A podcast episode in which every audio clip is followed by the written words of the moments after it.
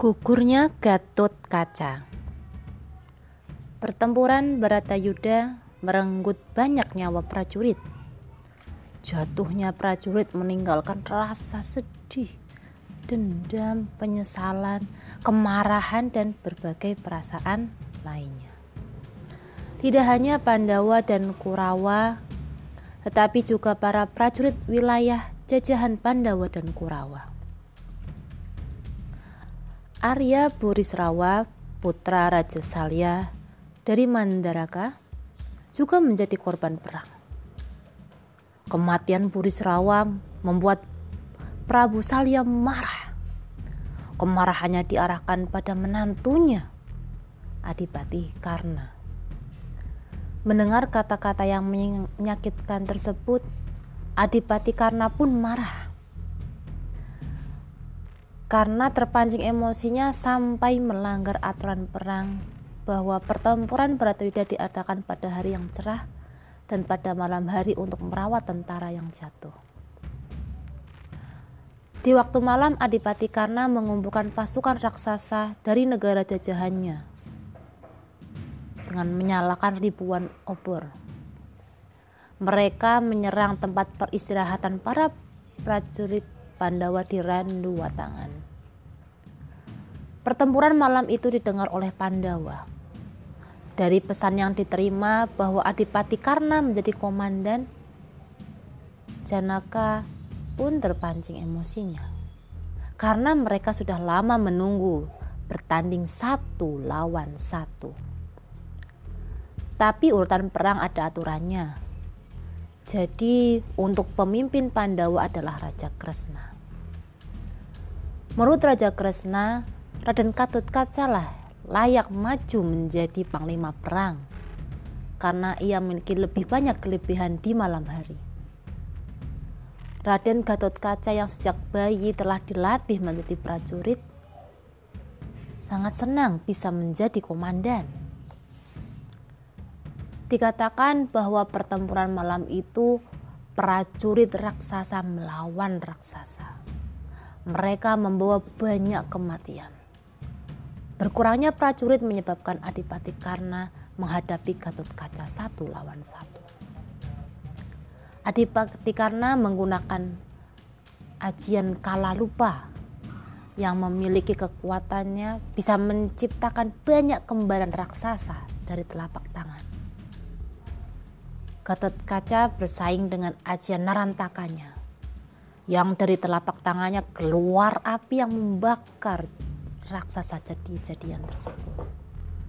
Suara raksasa pun meraung seperti singa berebut seekor rusa di hutan. Sang adipati kehilangan perangnya dan kemudian mengubah urutan perang dengan mengendarai kereta jati sura yang dikendarai oleh Patih Hadi Manggala. Bersama dengan suara peperangan, Adipati Karna memburu Gatot Kaca untuk segera menghunuskan pusaka Kunta Druwasa. Gatot Kaca pun hilang gregetnya ketika melihat pusaka Kunta Druwasa yang dapat menjadi penyebab kekalahannya. Gatot Kaca segera terbang dan bersembunyi di awan agar tidak terlihat. Tetapi karena pakaian Raden Gatot Kaca, yaitu kotang kantra kusuma, memancarkan cahaya bersinar. Meskipun saat itu adalah malam yang gelap kulita. Sehingga Adipati Karna tahu persembunyiannya. Kunta Druwasa segera dilepaskan dari pusur panah menuju dada Gatot Kaca. Dikatakan pusaka tersebut tidak mencapai tempat persembunyian Gatot Kaca. Namun, perang ini ternyata merupakan waktunya Gatot Kaca untuk masuk surga. Sehingga pusaka yang tidak mencapai Gatot Kaca tadi ditangkap oleh rohnya, pamannya, yaitu paman Kala Bendana. Paman Gatot Kaca tersebut tidak pergi ke surga tanpa bersama Gatot Kaca. Gatot Kaca terkejut melihat kedatangan kala bendana membawa pusaka kunta druwasa. Ayo anakku, dirimu sudah waktunya. taatlah kita menuju ke surga. Saya telah menunggu waktu itu untuk waktu yang lama. Katakanlah bendana. Iya paman, aku tidak menyalahi dengan janji itu. Tetapi sebelumnya aku punya permintaan. Jawaban Ketut Kaca mengingat kematian kala bendana di masa lalu. Apa permintaan kamu? Segera katakan, kata halus kala bendana. Kematian saya nanti jatuhnya tubuh saya menghancurkan banyak tentara musuh. Pinta Ketut Kaca. Ya, akan dituruti permintaanmu. Mari kita pergi ke surga bersama dengan paman. Pusaka Kunta Druwasa kemudian diarahkan ke pusar Raden Ketut Kaca yang menerima senyum dari wajahnya di malam itu. Jiwa dipisahkan dari tubuh. Menggelegar suara benturan di angkasa membersamai kematian Ketut Kaca. Tubuh melesat seperti kilat dan menghembuskan udara panas di tengah-tengah Tegal Kurusetra. Tubuh tersebut mengenai kereta Jatisura yang rusak hancur lebur Pengemudinya Patih Hadi Manggalat pun terbunuh dalam pertempuran. Putra Adipati Karna, Warsa Kusuma pun juga tewas. Apa pun yang tertimpa tubuh Ketut Kaca dilalap api hancur menjadi abu. Tidak terhitung jumlah persen musuh yang. Badannya Raden Ketut Kaca mengisi penuh Tegal Kurusetra. Malam itu Pandawa kehilangan prajurit yang sakti, yaitu Raden Gatot Kaca. Semua orang berduka atas kematian orang yang berkorban demi negara sebagai pahlawan bangsa.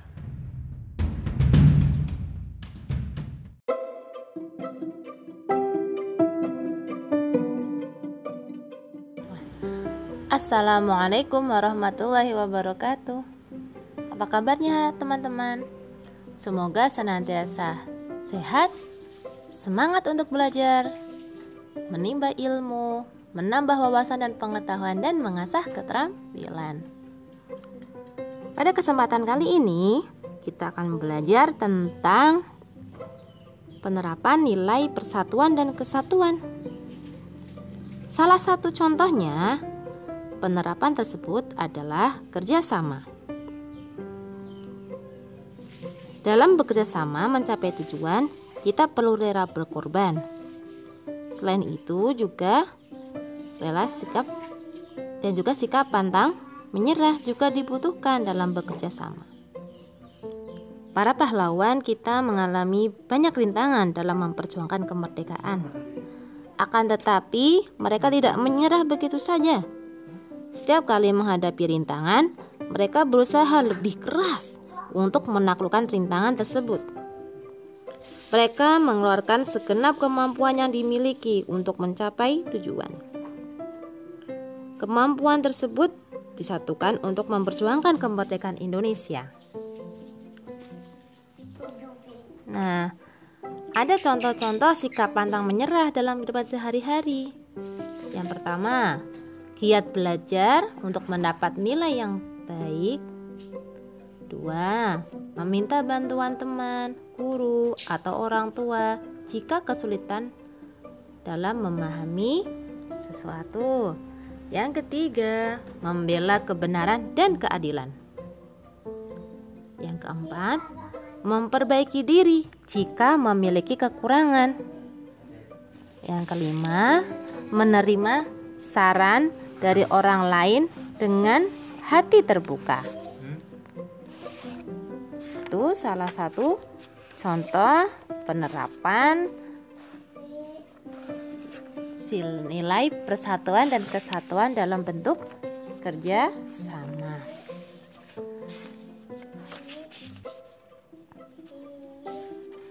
Ada pula hal-hal yang lain kita bisa ketahui bahwa dengan kerjasama tadi persatuan dan kesatuan akan mudah terwujud. Sebagai contoh, ketika dalam sebuah tarian dalam tarian daerah, kita tahu adanya kerjasama antar penari, pengiring, dan yang lainnya. Andaikan tidak ada kerjasama di sana, di unsur-unsurnya, maka tarian tersebut tidak akan indah dan harmonis. Itu saja. Wassalamualaikum warahmatullahi wabarakatuh.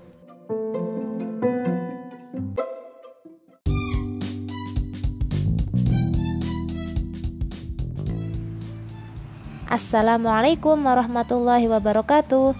Sugeng enjang rencang-rencangan kelas 6 Abdurrahman bin Auf.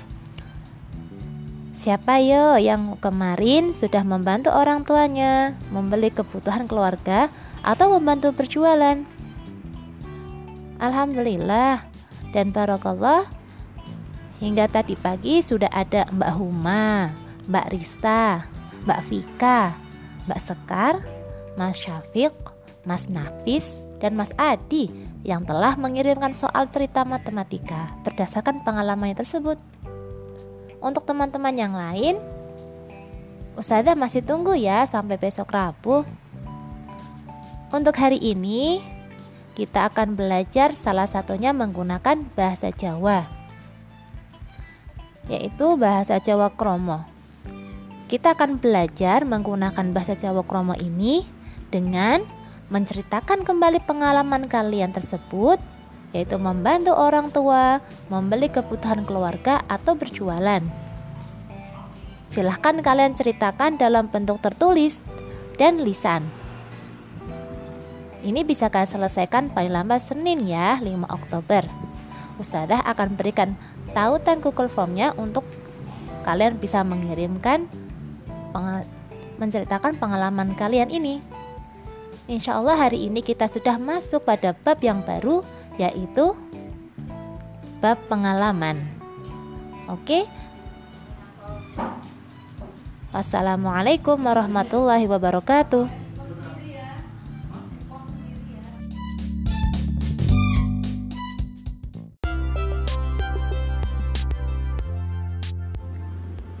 Teman-teman, pastinya ketika dalam kehidupan sehari-hari kita tidak pernah lepas dari pemanfaatan listrik baik di dalam rumah kita atau yang berada di lingkungan luar rumah kita.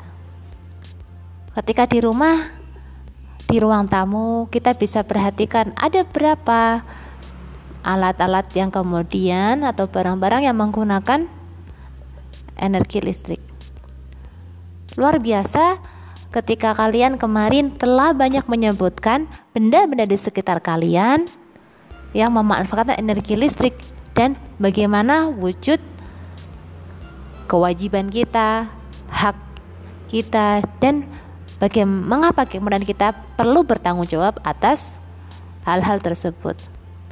Alhamdulillah hal tersebut sudah kalian tuliskan dalam kegiatan pendalaman tematika subtema 1 di pertemuan yang sebelumnya.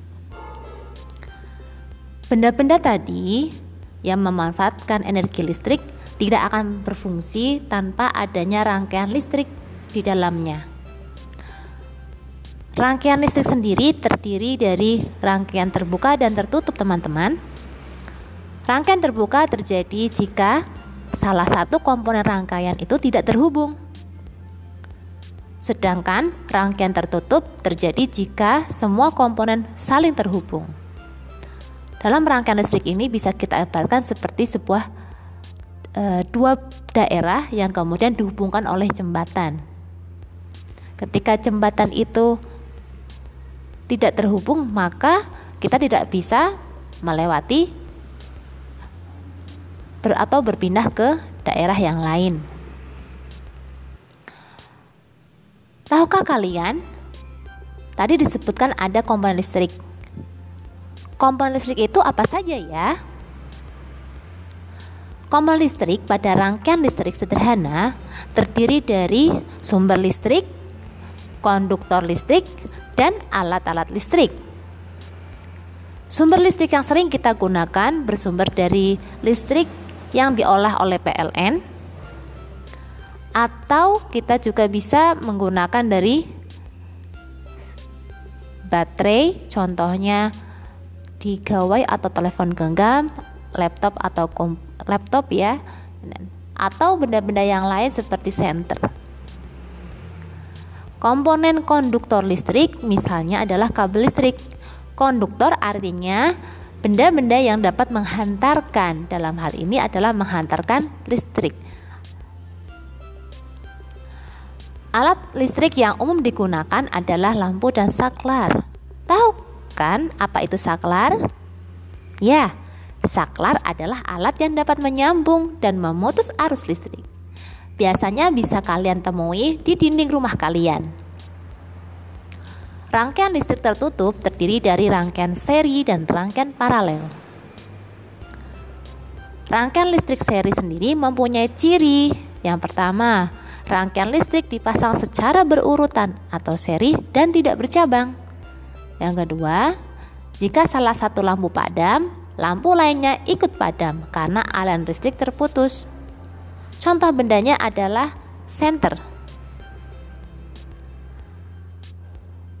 Rangkaian listrik paralel adalah rangkaian listrik di mana alat-alat listriknya tersusun bercabang. Rangkaian listrik paralel ini bisa kalian temui di rangkaian listrik di rumah kalian, teman-teman. Kalian bisa perhatikan ketika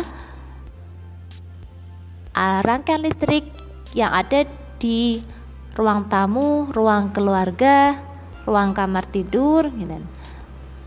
menggunakan rangkaian listrik paralel ini sehingga ketika salah satu padam yang lainnya tidak ikut padam tergantung bagaimana apakah saklarnya tersambung atau tidak. Oke, sekarang agar kalian lebih memahami, kalian bisa menuliskan di buku tulis kalian masing-masing. Yang pertama, apa perbedaan rangkaian seri dan rangkaian paralel?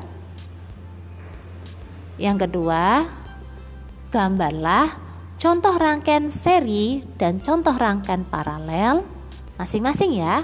Kemudian tulislah apa yang terjadi jika salah satu lampu pada rangkaian tersebut padam. Dua pertanyaan ini kalian bisa tuliskan dalam buku tulis kalian. Nanti Ustazah akan berikan tautan untuk menyampaikan kalian bisa menyampaikan jawaban dari dua pertanyaan tersebut. Agar kalian bisa lebih memahami lagi, kalian coba carilah sumber dari sumber belajar kalian dari buku tematik atau melalui sumber belajar pada portal rumah belajar. Kalian buka bisa buka peramban kalian dan ketikan belajar.kemdikbud.go.id. Lalu cari dengan masukkan kata kunci rangkaian listrik. Itu Semangat belajar teman-teman. Wassalamualaikum warahmatullahi wabarakatuh.